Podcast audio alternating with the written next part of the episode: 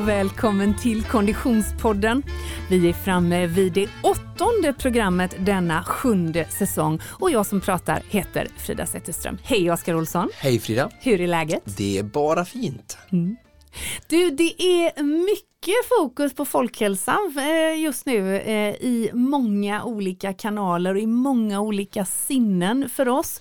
Eh, för mm. några veckor sedan var vi i Stockholm och, jobbade med vår poddpartner Asics som ju jobbar mycket med Sound Mind and a Sound Body. Uplifting Minds, ja, grymt projekt. Precis, mm. vi kommer inom kort att få snacka lite med Carolina Klyft som är ambassadör för organisationen Generation Pepp som jobbar för folkhälsan. Du och jag eh, snickrar tillsammans på andra spännande profiler på ett eh, eh, eh, mycket spännande projekt om att debattera pandemins effekter eh, i, på just folkhälsan. Och jag vet att du häromdagen snubblade på lite spännande kunskap. Ja, precis. Eh, jag är ju alltid där ute och engagerar mig och intresserar mig och eh, jag hopp, det känns lite mer och mer nu. Jag tyckte under pandemin när den var mer i sitt vad säger man, brinnande kärna att folkhälsans eh, alltså uppmärksamhet kring folkhälsan inte lyftes nog men det känns som lite nu när det har lagt sig lite mm. och folk har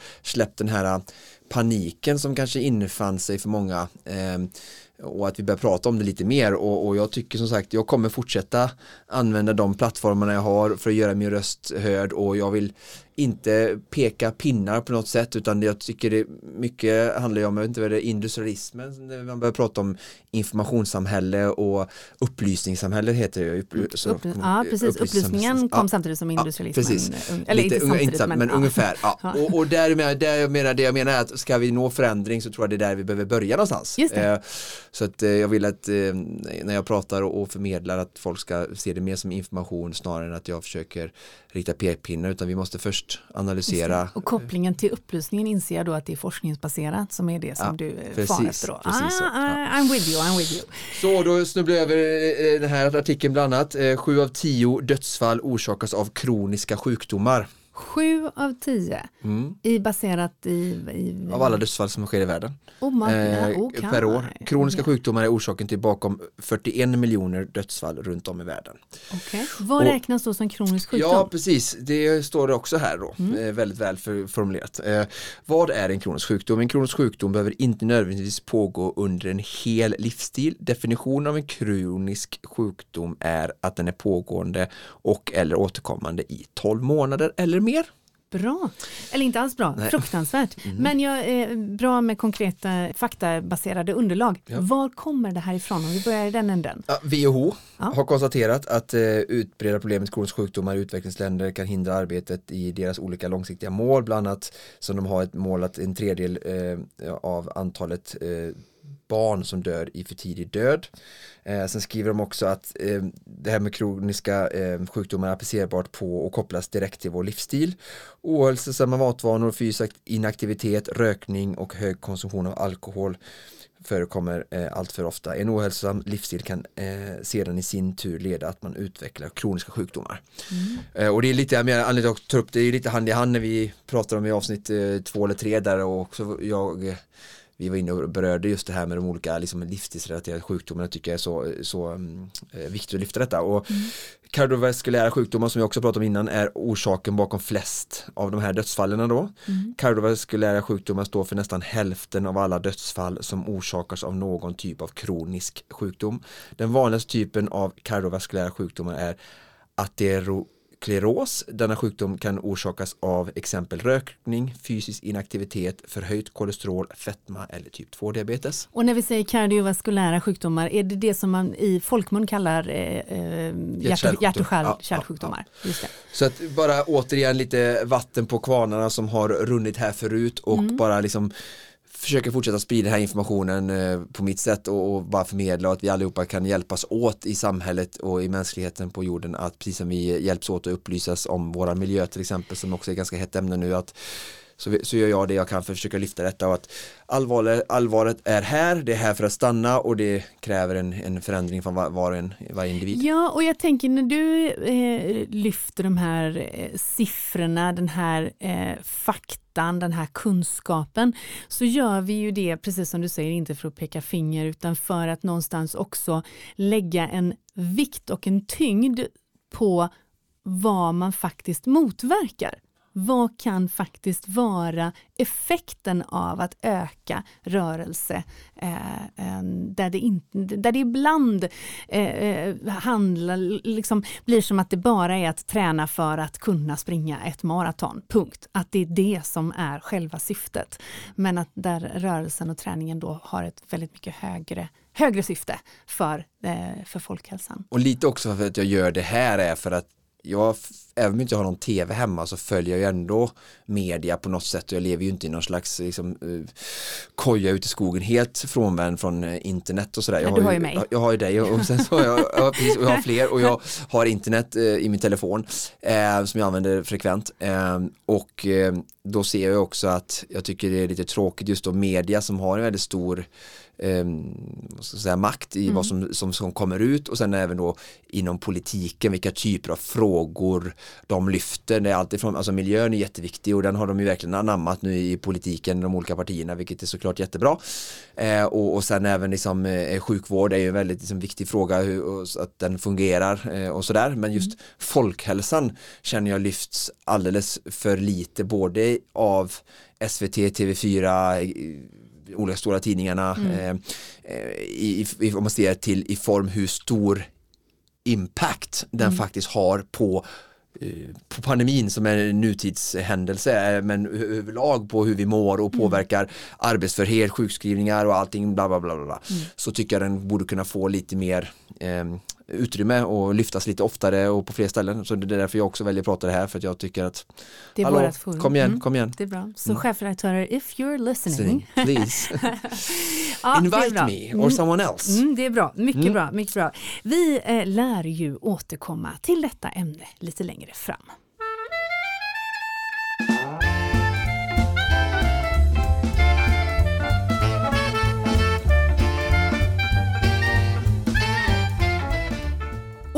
Är så himla glada att vi får göra hela den här poddsäsongen ihop med våran sponsor Asics. Och Victoria Aspling från Asics, hon kommer att göra en av våra lyssnare extra glad. Uh. Hej och välkommen tillbaka till Konditionspodden eh, Victoria Aspling. Hej och tusen tack, det är jättekul att få vara med igen. Du, det är så gött att ha dig. Du står ju med en, en väldigt snygg doja i handen för vi ska eh, återigen få möjligheten att lotta ut eh, ett par riktigt bra löpardojor, eller två par riktigt bra löpardojor. En herr och en damvinnare kommer vi att kora.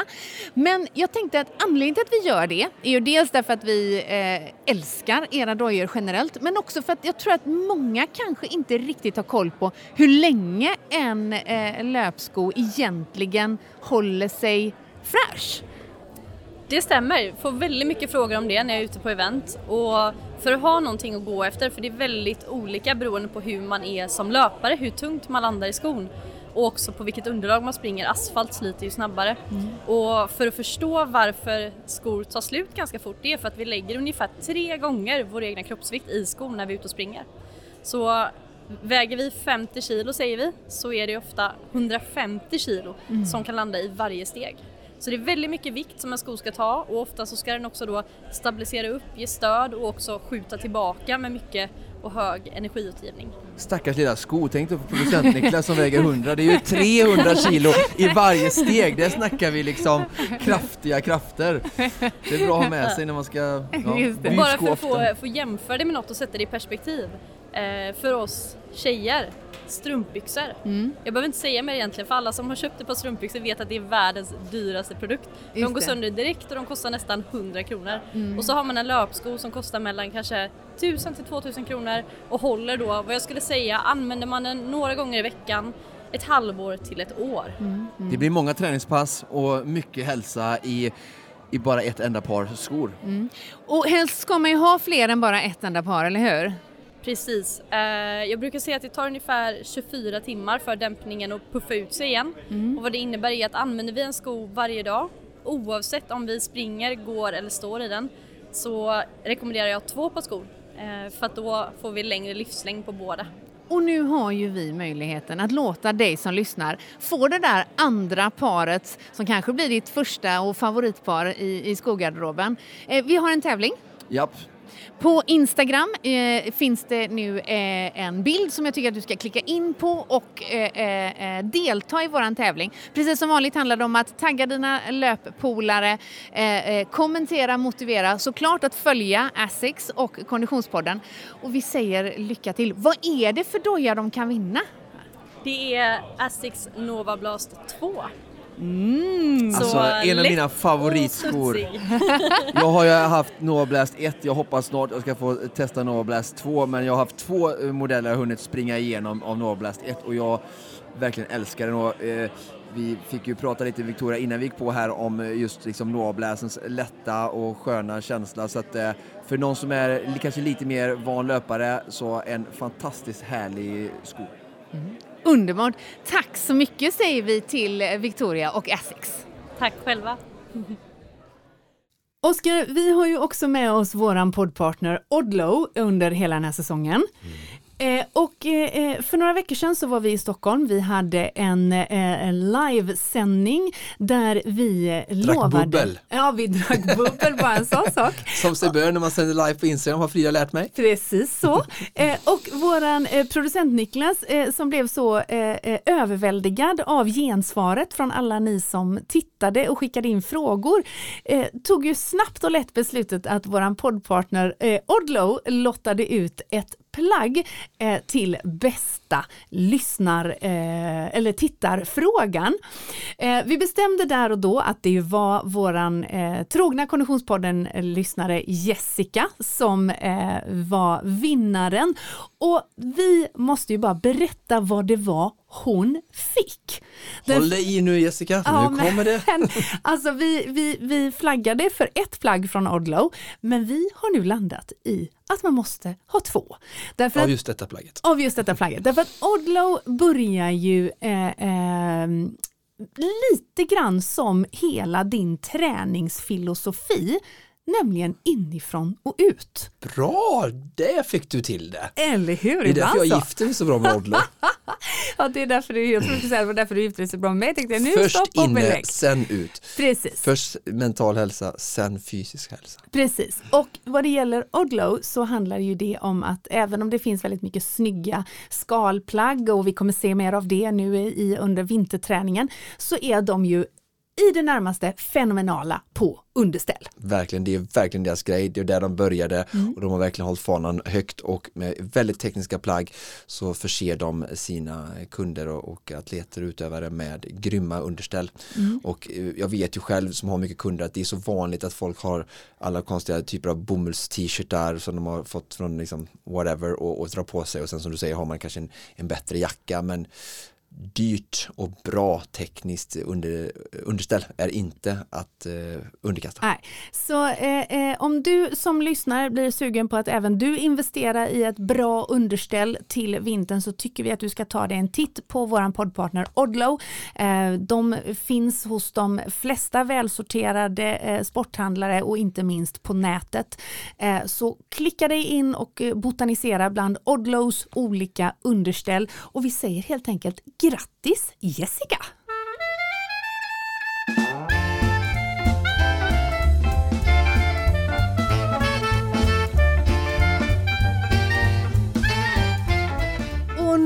Oskar Olsson, har vi fått finbesök i studion, eller hur? Ja, verkligen. Det ska bli så spännande att höra allt om motivation. Mm.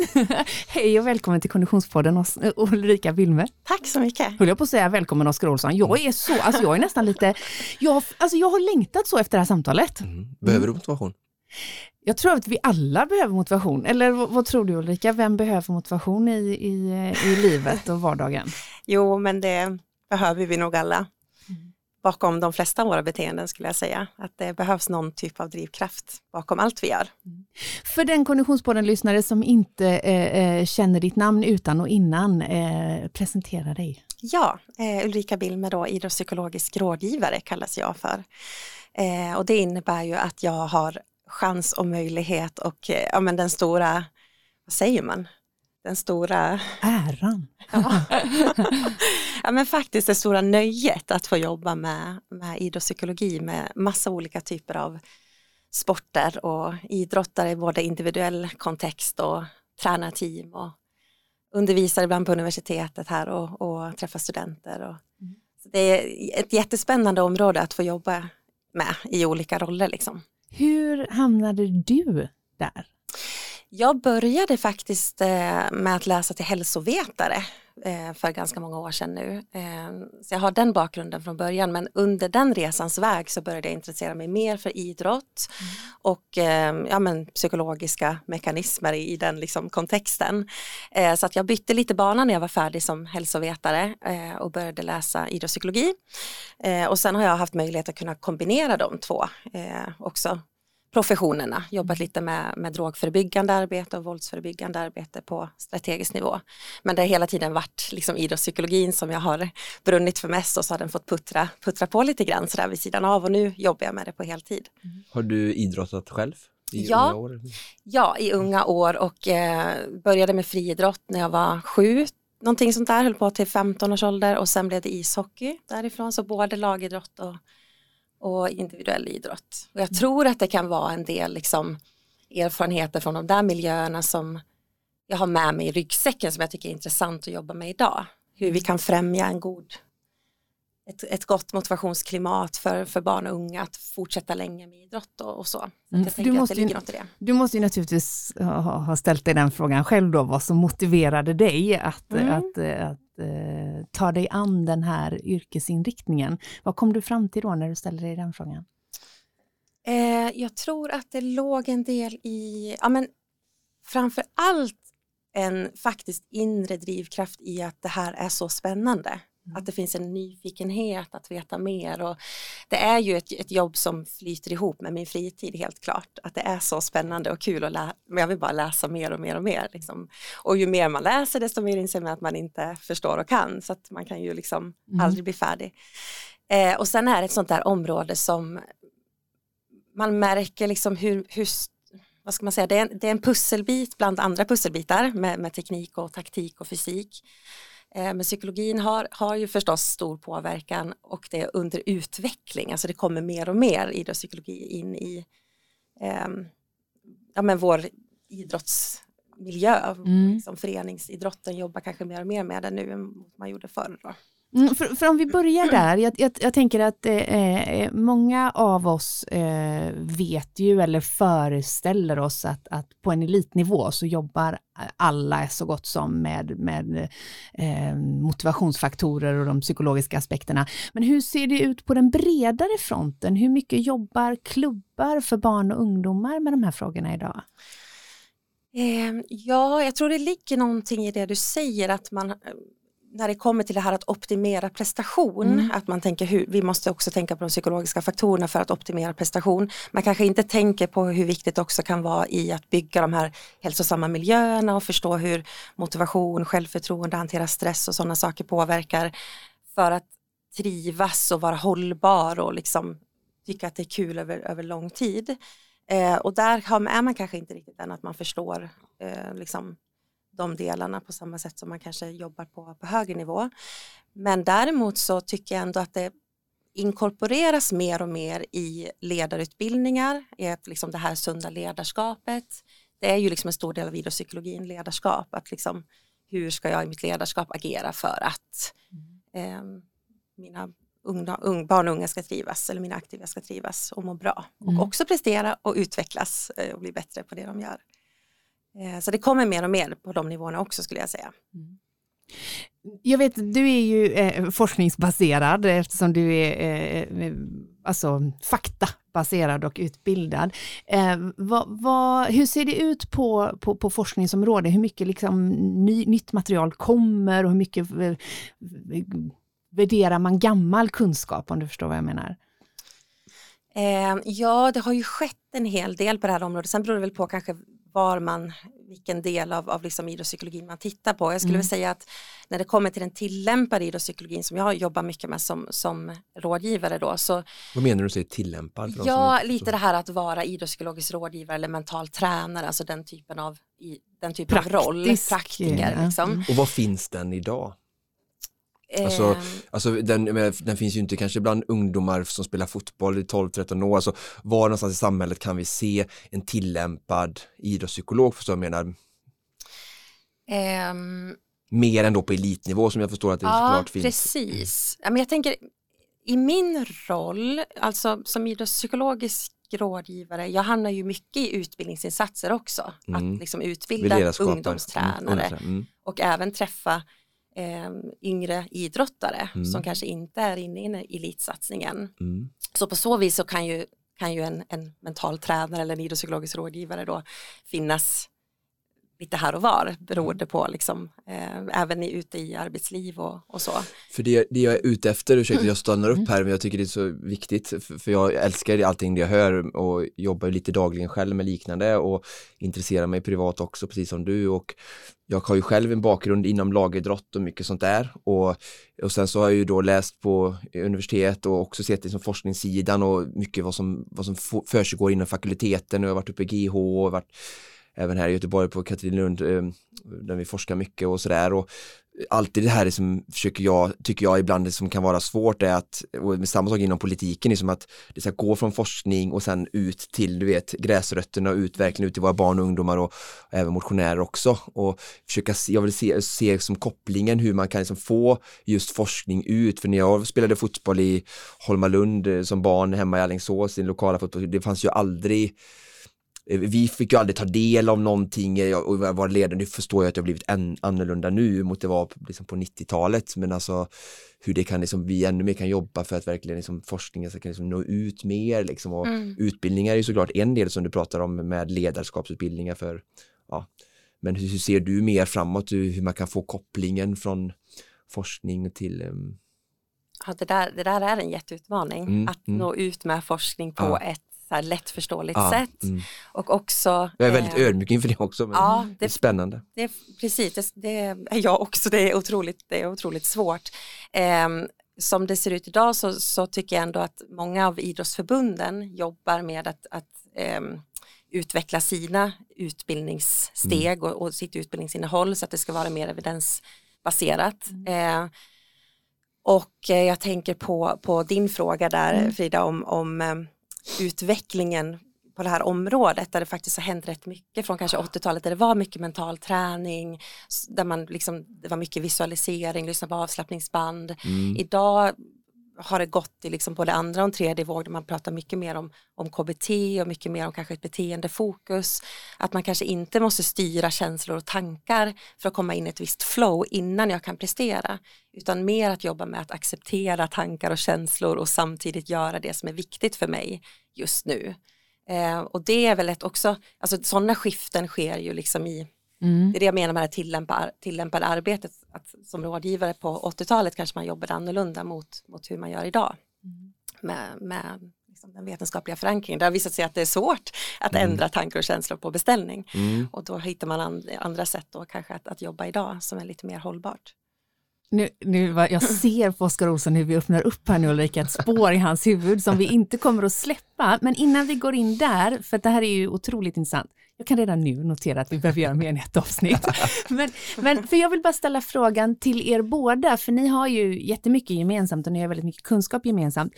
Vems ansvar tycker ni att det är att kunskapen som ackumuleras genom forskning och inom fakulteten faktiskt landar hos barn och unga? Vems ansvar är det?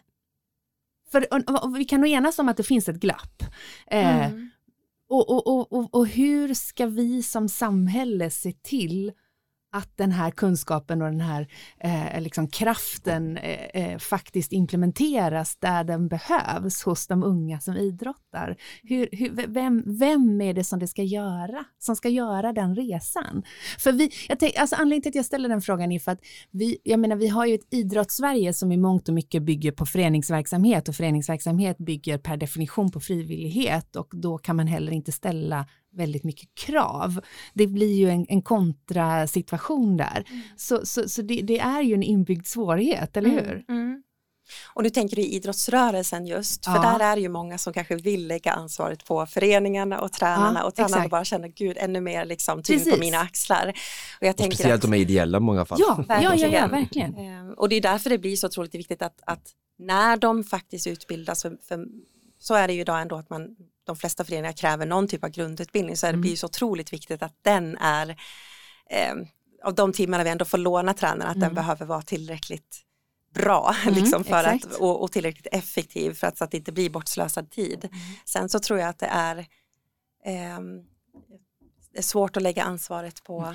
Jag, jag menar inte att vi ska ställa någon till svars. Men jag, jag kan göra det sen när hon har svarat. Ja, jag tänker att det är viktigt att ställa sig frågan i alla fall, för det är lätt att bara peka finger. Det är mm, lätt att liksom bara säga, undra varför det inte händer och man måste nog ifrågasätta lite grann, vem är det som ska se till att det händer? Mm.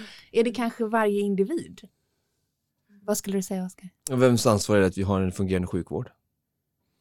En fungerande sjukvård är ju, ett, är ju statliga beslut. Ja, precis. Ah. Och det är ju det där jag menar, det är ju där allting för mig börjar. Mm. Alltså att idrottsministern, så som jag skulle se det är ju att alltså vi någonstans är ju alla eh, delaktiga i det och att då är det ju som förtroendevalda. Mm. Och då pushar vi fram någon vi tror på och i det här fallet skulle jag säga att eh, till exempel att idrottsministern mm. får för sig att eh, prata med Svenska Riksidrottsförbundet som mm. någon som ska ansvara för svensk idrott och värna för svensk idrott och det för mig börjar alltid hos barn och ungdomar för det är där någonstans idrott föds mm. mm. och sen då vill, som hon pratade om innan här nu, eh, att vi vill, hur vi kan jobba för att unga ska ha det liksom långsiktigt. Mm. Och då menar jag, då implementerar man det i utbildning som vi precis har pratat om. Mm. Och vad är barns utbildning någonstans? Jo, den är i skola. Och det här är ju liksom någonstans som jag har pratat om i, i 10-15 år, just att vi läser historia, geografi, matte, engelska och sen har vi idrott en eller två timmar och sen så ser vi liksom ökande självmord och eh, eh, vet du när man pratar nu om sociala medier och deras alltså inverkan på ungdomar och sådär mm. och det är ju sociala medier per se är ju inte dåligt, det är ett jättefint verktyg, men om sociala, precis som eh, alkohol eller cigaretter eller bilar sätts i någon som inte är trygg i sig själv så kan det lätt missbrukas. Och det ser vi att unga som kanske inte mår så bra på grund av samhället vi har, då är det lätt att sociala medier blir något dåligt, vilket mm. inte behöver vara för att de mår Och då menar jag så att vi behöver ta det här på allvar, alltså hur vi mår inne i oss själva och därför ha mer regelrätt utbildning i skolan om självkänsla, självförtroende och då motivation eller idrottspsykologi mm. som delar i, så därför säger jag så här, idrottsministern pratar med Riksidrottsförbundet som driver ihop med Skolverket någon typ av tidig anpassad utbildning genom skolåren mm. så att de liksom får det där för att säga liksom att vi ska ge det ansvaret till några stackars föräldrar som jobbar nio timmar om dagen, handlar, lagar mat och allting och får betalt för det. Jag menar, mm. det är ju våra politiker och Riksidrottsförbundet som får betalt för att verka för en sund idrottsmiljö i Sverige. Det är mm. det de får betalt för. Mm. Eh, och sen då är ju deras verktyg typ sådana som du Ulrika som är idrottspsykologer som då kan liksom verkställa detta kanske på olika sätt. Dels som du säger utbildningar men även kanske åka ut och prata då i skolor eller hjälpa till att starta sådana här typer av liksom kurser eller alltså, mm. regelrätta, vad, vad, kallas det nu för, lektioner, alltså ämnen kallas det för mm. på högstadiet och mellanstadiet. Liksom att så här tycker, prata med lärare, jag förstår ni menar, mm, alltså, mm. du är ju den som har kunskapen så använd det att liksom starta då, precis som du jobbar med utbildningar för ledare, att jobba med utbildningar för våra ungdomar och barn också tidigt. Mm. Ja, det var en lång utläggning men, ja, men där bra. känner jag mig som, utifrån hur samhället ser ut idag så blir det för mig så här, ja det känns som att det, det är den enda vägen jag kan se framåt. Jag kan ha helt fel och nej, nej, nej, någon får gärna ja. motbevisa mig men vill du motbevisa Oskar? Nej, nej. jo, det får du. nej, men jag tänker, att, eh, jag, jag, jag tänker också att um, idrottsrörelsen idag blir bättre och bättre tycker jag på föreningsnivå och sådär och, och förstå vilka miljöer vi behöver bygga liksom, eh, hållbara miljöer runt våra barn och unga för att liksom, om man nu tänker att syftet är då folkhälsa och liksom, eh, goda, mm. goda hälsovanor och, och fysisk aktivitet. Eh, där jobbar man, men vi har ju ett problem idag också med, med dropout tidigt, där vi, någon sorts 11 mm. års puckel har vi väl mm. idag. Så mm. det finns ju mycket att jobba med, men det vet vi att det gör och det, det, liksom, det görs ändå mycket ansträngningar för att försöka få till de där goda miljöerna. Mm. Så att skapa miljö är ju säkert mycket eh, en, en tränares och liksom en, en organisation eller en klubbs liksom eh, vet det, ansvaret men jag tänker att det kanske riktlinjen ska dras upp mm. eh, för högre och sen så är det upp till klubben då att om ni ska ha kvar er verksamhet så behöver ni följa de här typerna mm. av liksom, ja, riktlinjer för att skapa och jobba mot en, en hållbar miljö. Mm. Um, vi får se till att Amanda Lind hör det här avsnittet helt enkelt, vår kultur och mm. idrottsminister. Henne skulle jag gärna vilja träffa. Ja, mm. vi ska se vad jag kan göra i den frågan.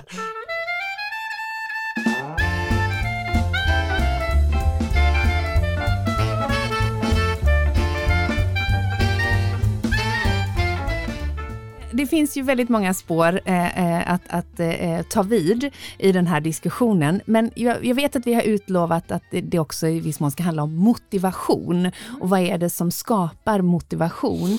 Eh, eh och där vet jag att du dels jobbar mot barn och unga, men du har naturligtvis kunskap även för eh, eh helt vanliga motionärer av, av, eh, av äldre karaktär. går det att sammanfatta vad, det, vad, vad, vad, vad som är motivation för att få eh, än att vilja träna? Ja, alltså motivation är ju ganska komplext och, mm. och, och, svårt. Då pratar vi mycket om det i vardags, eh, liksom bara vanligt vardagstal så, så att vi, vi stöter ju på begreppet ofta och har det med oss liksom i vardagen sådär. Eh, men det är ju någon sorts så diffus eh, psykologisk energi liksom som driver våra beteenden åt ett visst håll. Och, och så. Eh, och jag vet inte hur ni eh, liksom, pratar om motivation eller vad ni möter eh, och vad du möter Oskar där ute när det kommer till min erfarenhet är att man ofta pratar om motivation i mängd. Alltså man pratar om att vara mycket eller lite motiverad. Mm. Att vara supermotiverad eller att ha låg motivation. Mm.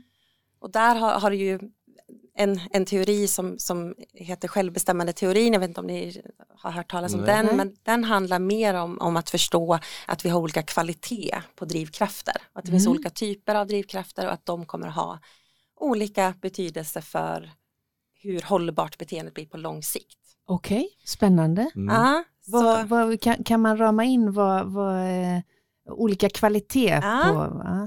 Man kan rama in det som att det handlar om jag vill motivation ja. eller jag måste motivation. Just det. Jag har säkert hört talas om inre och yttre motivation. Jag mm. avskyr ordet måste. Ja. Mm. ja, jag tycker det bara aldrig borde finnas. Mm. Ändå en ledtråd då till att den mm. typen av motivation kanske inte är så bra. bra ja. Mm.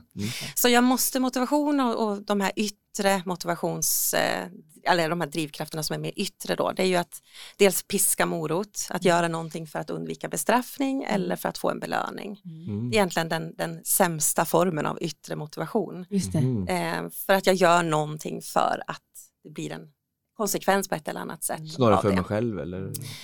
Precis. Att, att Motsatsen det... skulle vara att göra för sig själv så är det ja. att göra för ja, någon eller annan att, eller för någon annan morot eller precis, yttre bekräftelse så, kanske. Ja, för den inre motivationen blir ju då att aktiviteten i sig är så kul eller ja. skön eller mm. härlig. Som du tycker med ditt yrke? Just det, inre motivation. Men det, sen kan det också vara liksom parat med lite yttre motivation, att jag också får lön för det jag gör. Mm. Så att vi har ju ofta liksom lite blandade olika drivkrafter bakom ett och samma beteende. Men då är det viktigt att de här lite mer inre, den inre formen av, av, av liksom motivation är ska helst vara starkast då. Mm. Men sen kan man ytterligare förstå yttre motivation utifrån att det finns olika typer. Så det är inte bara piska morot utan också skamskuld, alltså piskan och moroten har flyttat in mm. och är mm. liksom inom mig och, mm. och driver mig.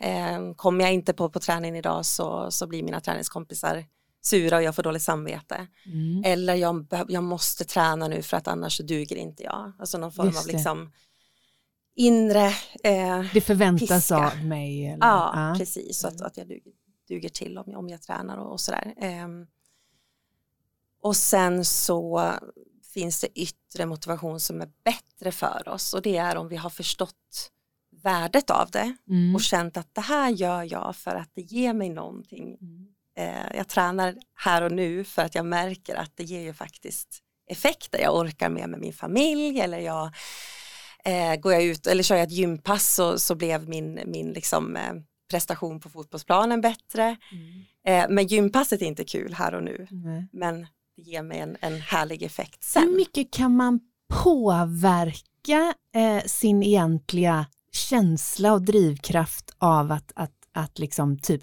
prata och verbalisera? För jag tror att väldigt många av våra lyssnare vet ju detta, kan mm, med mm. intelligens detta. Mm. Men det är ju en sak att ha kunskapen, att känna till, eh, men att också implementera det i sitt själ och hjärta. Alltså förstår du vad jag menar? Mm. Jag är liksom intresserad av, för jag tror att må många av våra lyssnare är ju ganska pålästa, men man kanske ändå inte riktigt klarar att hålla undan den där inre piskan eller att eh, eh, lyssna på rätt röst. hur, mycket kan man, hur mycket kan man påverka det där? Ja, men det där är intressant för att eh, den där inre piskan eller den yttre piskan mm. och belöningen för den delen, det är ju, det är ju effektiva liksom, medel för att få ja. oss att agera. Det är ju inte så att det inte funkar.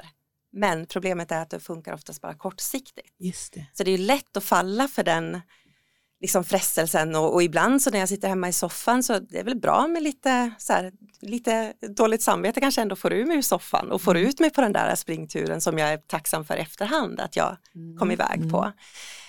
Um, så att, ja, men det du sa med, med att liksom du, du, var inne på någonting att prata med sig själv ja, eller alltså att det här inre. Om man, om man eh, jag, jag, är osäker på om jag verkligen bara lyssnar på den sunda inre rösten. Jag vet ju, när det, du säger inget nytt för mig, eh, eftersom jag har förmånen att träffa många som dig och göra mycket sådana intervjuer och ha, sitter på mycket kunskap. Men jag är osäker på om jag ändå kan implementera allting mm. i mig själv och då undrar jag, kan jag lära mig göra det? Mm.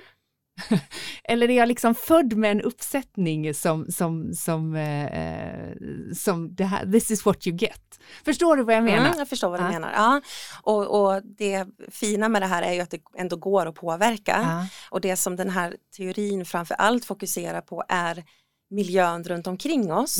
Alltså att det inte handlar om att eh, jag ger dig motivation, för så är det ju ofta med piskan och moroten. Hur ska jag motivera dig om jag mm. till exempel då är din tränare. hur ska jag ge dig motivation och hur ska jag styra dig? Mm. Eh, och då har det ju visat sig att, att vi människor tycker i regel inte om att känna sig kontrollerade. Så om jag istället kan bygga en annan miljö runt omkring dig där det finns möjligheter för dig att hitta den där inre motivationen eller att på något sätt skapa den själv, för den finns någonstans inom dig ändå, mm. så här, den här nyfikenheten har mm. vi alla. Och då kan man kratta lite grann i miljön för att främja Just det där det. mer, mer självbestämmande. Ja, det är den där krattan vi behöver ja, hitta. Alltså. Den ska vi hitta, precis. Jag tänkte vi kunde komma till det. Ja, okay. Um, ehm, Ja det tycker jag är jättespännande för mm. nu är det precis inne på det som jag tycker att jag jobbar med dagligen Aha. och som jag tycker är lite kontroversiellt tror jag mot många andra som jobbar med coachning som jag och jag har efter många år både i skola och i praktik eh, kommit till underfull med att Eh, och människor jag mött att människor oftast är på fel ställe. Och när jag säger fel så menar jag inte så att all, ingen människa, jag lever ändå det, efter devisen att vi är aldrig på fel tid eller fel plats utan våra val och förutsättningar vi har tagit längs vägen har tagit oss dit vi ska, eh, eller där vi är för att vi ska lära oss någonting.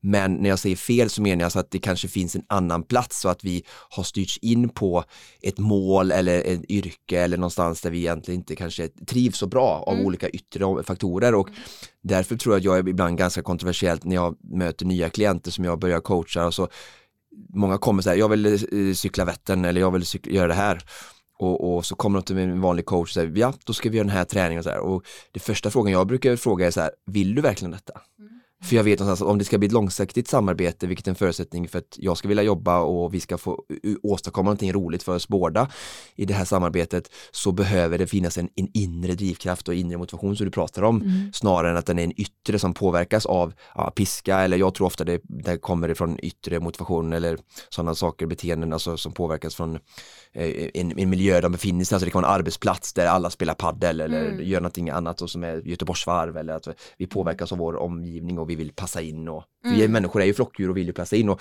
just den här frågan så här att vill du verkligen detta? Alltså är det detta du verkligen vill eller är det kanske någonting annat? Eh, och, och som du sa, var väldigt spot on där att att jag ska inte motivera dig utan jag ska hjälpa dig att hitta, orientera den inre motivationen som bor inne i dig och som finns i oss alla. Mm. Och när vi väl har hjälpt liksom, personen att hitta rätt så kommer vi inte behöva motivera dem så mycket utan det där drivet finns då automatiskt när vi hittar rätt, mm. tänker jag. Så, mm. så väldigt eh, sant det du sa. Tyckte jag. Och, och, och ibland så... Just det med kratta, att, det lät ja, väldigt fint. Som en liten trädgårdsmästare. Ja, exakt. Ja. men jag tänker att eh, det, det är svårt också att alla aktiviteter alltid är kul för oss, för så kommer det inte att vara. Det är inte alltid jättehärligt och jättekul allt vi gör. Men då brukar man prata om att om, om värdet av aktiviteten har det kan börja med att det är yttre. Alltså jag kanske blev tvingad att gå in i, i gymmet då av min tränare. Mm. Eh, men sen märker jag att aha, men det här gav ändå effekt på I min hög, hälsa. På min, ja, mm. det här gav någonting annat som är viktigt för mig. Eh, då har, har jag liksom flyttat mig längs den här skalan till lite mer då självbestämmande motivation. Om det dessutom också då stämmer överens med den jag är. Alltså om, om, om liksom aktiviteten stämmer över, överens med att ja, men jag är ju en sportig person eller jag är en, en eh, liksom professionell eh, träningscoach. Det är viktigt för mig att själv träna för att liksom det är i linje med mina värderingar och den jag är. Då är det ytterligare eh, självbestämmande hållbar mm. motivation som kommer att, att kunna liksom hjälpa mig att mitt beteende blir mer hållbart långsiktigt då.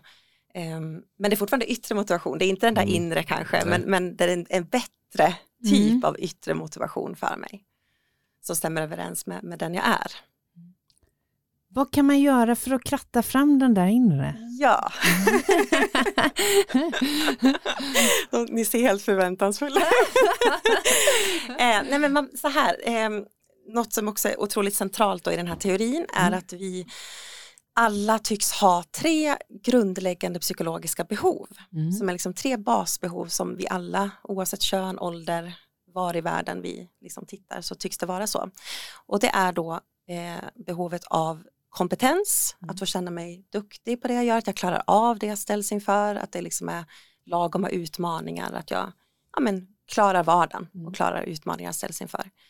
Eh, det andra är eh, samhörighet, du var inne på det Oskar, lite grann mm. att känna sig behövd, känna mm. tillhörighet med andra, meningsfulla relationer och så. Eh, och det tredje är autonomi, alltså att, att känna det här att, att jag eh, jag står vid rodret vid mitt eget liv på något sätt. Jag har själv bestämt att jag vill köra den här Vätternrundan. Jag har tagit det beslutet själv. Det finns valmöjligheter eh, runt omkring mig. Eh, handlar inte så mycket om att jag ska vara självständig och ensam är stark, men, men mer att jag har valt och, och kan påverka. Liksom.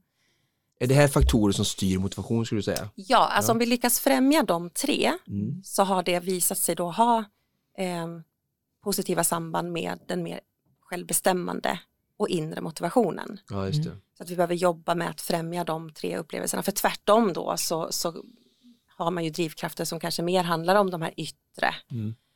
Um, eller mm. att man inte är motiverad alls, mm. det som kallas för A-motivation. Om, om vi, det är ju super, super, super intressant. Om vi skriver om de tre då till liksom, eh, med mer vardagsmässiga ord så, så har vi då alltså att känna sig bra mm. på, på sin egen, det kan vara sitt jobb eller sin... Inte sin paddel för mig då? Nej, inte för paddel för dig till exempel. Det kommer ju inte, motivationen att spela mer paddel är inte så hög hos Oskar. Även om det var kul. Men jag tänker att man skulle då kunna tänka att för att man skulle ta sig an ett projekt så som att eh, cykla Vättern eller, mm. eller eh, en, lägga om sin livsstil. Springa Stockholm Marathon som eller, du ska göra om några dagar. Här. Just det, sent påkommen motivation faktiskt. Man säga. Men då måste man då ett ha liksom en känsla av att man, man eh, känner sig bra på, kan det vara inom sitt yrke eller mm. som sin roll som mamma eller mm. det kan vara massa olika saker antar jag. Yeah.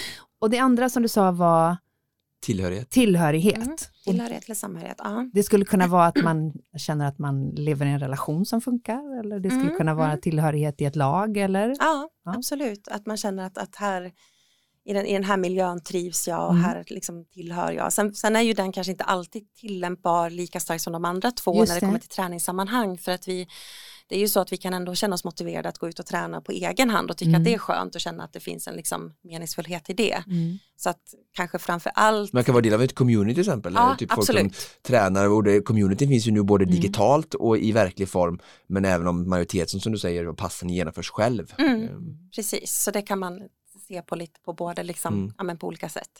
Och så hade vi autonomitet. Ja, autonomi som, som autonomi. handlar om just det här med att det finns en, en eh, möjlighet att välja, påverka, eh, bestämma själv. Mm. Ja, jag gör inte det här för att jag är tvingad. Eh, just det här att känna sig kontrollerad kontra mm. känna sig, det här vill jag själv.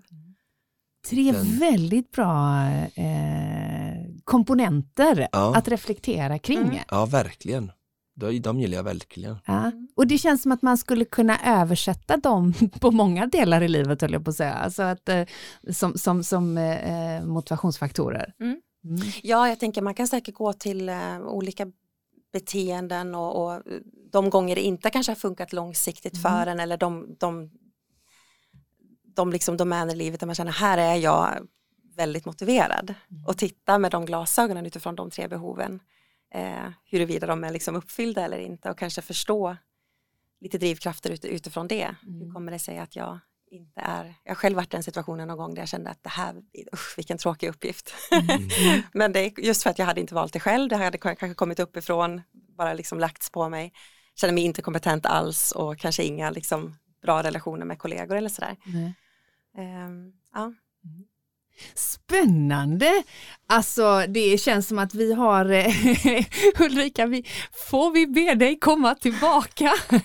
ja, det var ett bra intro att beröra och, men verkligen finns ju verkligen mycket mer att prata om detta, alltså mjuka värden som detta ja. är i, i, kontrast till intervaller och träningsupplägg och sånt där som också är såklart bra men de här mjuka värdena som jag pratade om i början med, med skola och utbildning. Ja men jag skulle precis säga det, det känns som att vi skulle vilja hamna även i, i, i Eh, Eh, klimatfrågan. Jag vet ju att du dessutom har jobb, du kommer från hockey har jobbat, eh, jobbar en hel del med, eh, med hockeyutbildningar.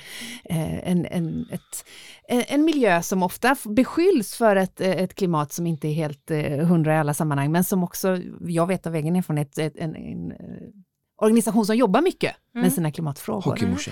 Hockeymorsa, ja nu är jag faktiskt inte det längre, men jag, jag var det länge. Men, men det känns som att klimat överhuvudtaget för ungas idrottande är mm. någonting vi vill återkomma till. Får vi lov att göra ytterligare ett avsnitt längre fram Ulrika? Absolut. Gud vad härligt. Tack så hemskt mycket för att du gästade oss och pratade motivation. Tack. Ja du Oskar, jag vet inte hur många gånger jag hann bjuda in henne och komma tillbaka där på slutet. Nej, precis. Vi får anledning att återkomma detta tror jag.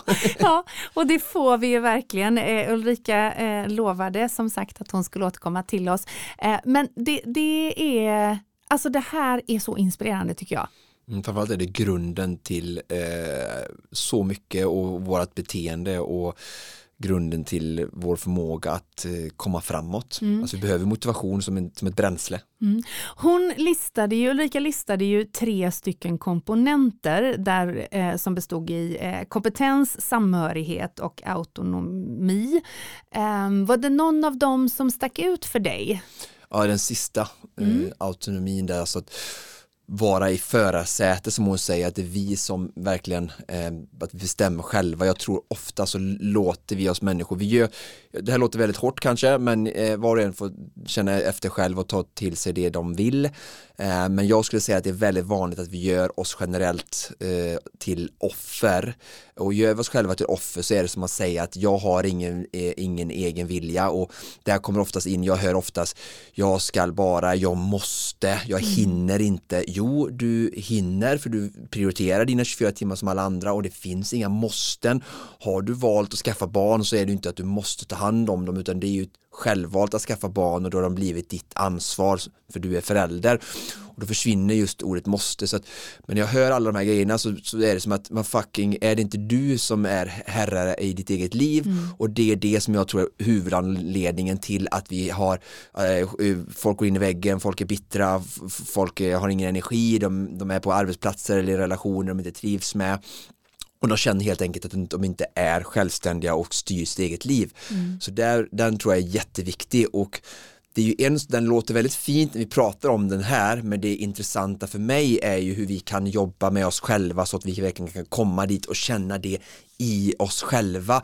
Jag är eh, eh, herre i mitt eget hus, mitt eget liv, jag bestämmer och jag tänker inte låta mig påverkas av normer eller att andra säger saker utan jag ska lyssna in vad jag vill och följ, våga stå och följa det. Och jag säger att det är inte lätt för mig har det tagit väldigt många år av personlig utveckling och terapi för att komma dit jag är och känna att jag är herre i mitt liv. Så att men den känner jag var absolut starkast och det hör ni ju nu efter den här enormt långa utläggningen jag hade nu utan paus där Frida inte alls hade någon möjlighet att komma in. Det gör ingenting, den var ju närmast autonom den utläggningen faktiskt. Jag står upp bara för jag ska ha kraft, jag kan inte sitta ner. Nej men det är bra, nej men det, det, det, det här är ju eh, en, en passion för dig, liksom för Ulrika Wilmer, våran, mm. våran gäst. Och det, det är, jag, jag gillar Ulrikas sätt att konkretisera att göra det handgripligt. Man förstår ju att Ulrika har jobbat mycket med, eh, med ungdomar mm. eh, eh och med, med folk på olika nivåer. Eh, vi pratade ju om att vi får anledning att återkomma kanske till hennes eh, arbete just med, med kulturer inom idrotten till exempel.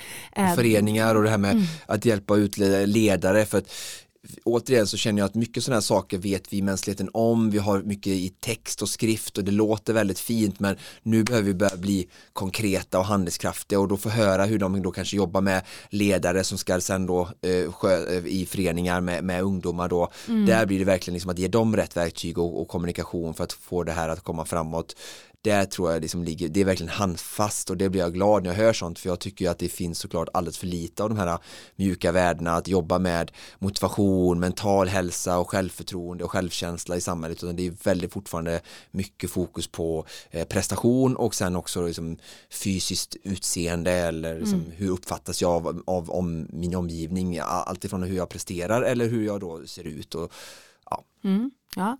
ja, det finns eh, mycket att eh, processa efter dagens avsnitt helt enkelt. Om du som lyssnar känner det där avsnittet, det tycker jag att mina kompisar, min mamma, min släkt, mina eh, grannar, mina träningskamrater borde lyssna på. Då blir vi såklart väldigt glada om du vill dela med dig. Eh, det är klart du vill! ja, eller hur? Tveka inte eh, att dela eh, avsnittet i dina sociala kanaler och tveka heller inte att höra av dig om du har reflektioner eller frågeställningar eller bara vill bolla. Utmana oss bara. Ja, utmana oss bara. hör i så fall av dig till oss på sociala medier. På både Instagram och Facebook heter vi kort och gott Konditionspodden. Men mina vänner, det här var allt vi hade att bjuda på för den här veckan. Precis som vanligt produceras Konditionspodden av Fredag. Connect Brands with People.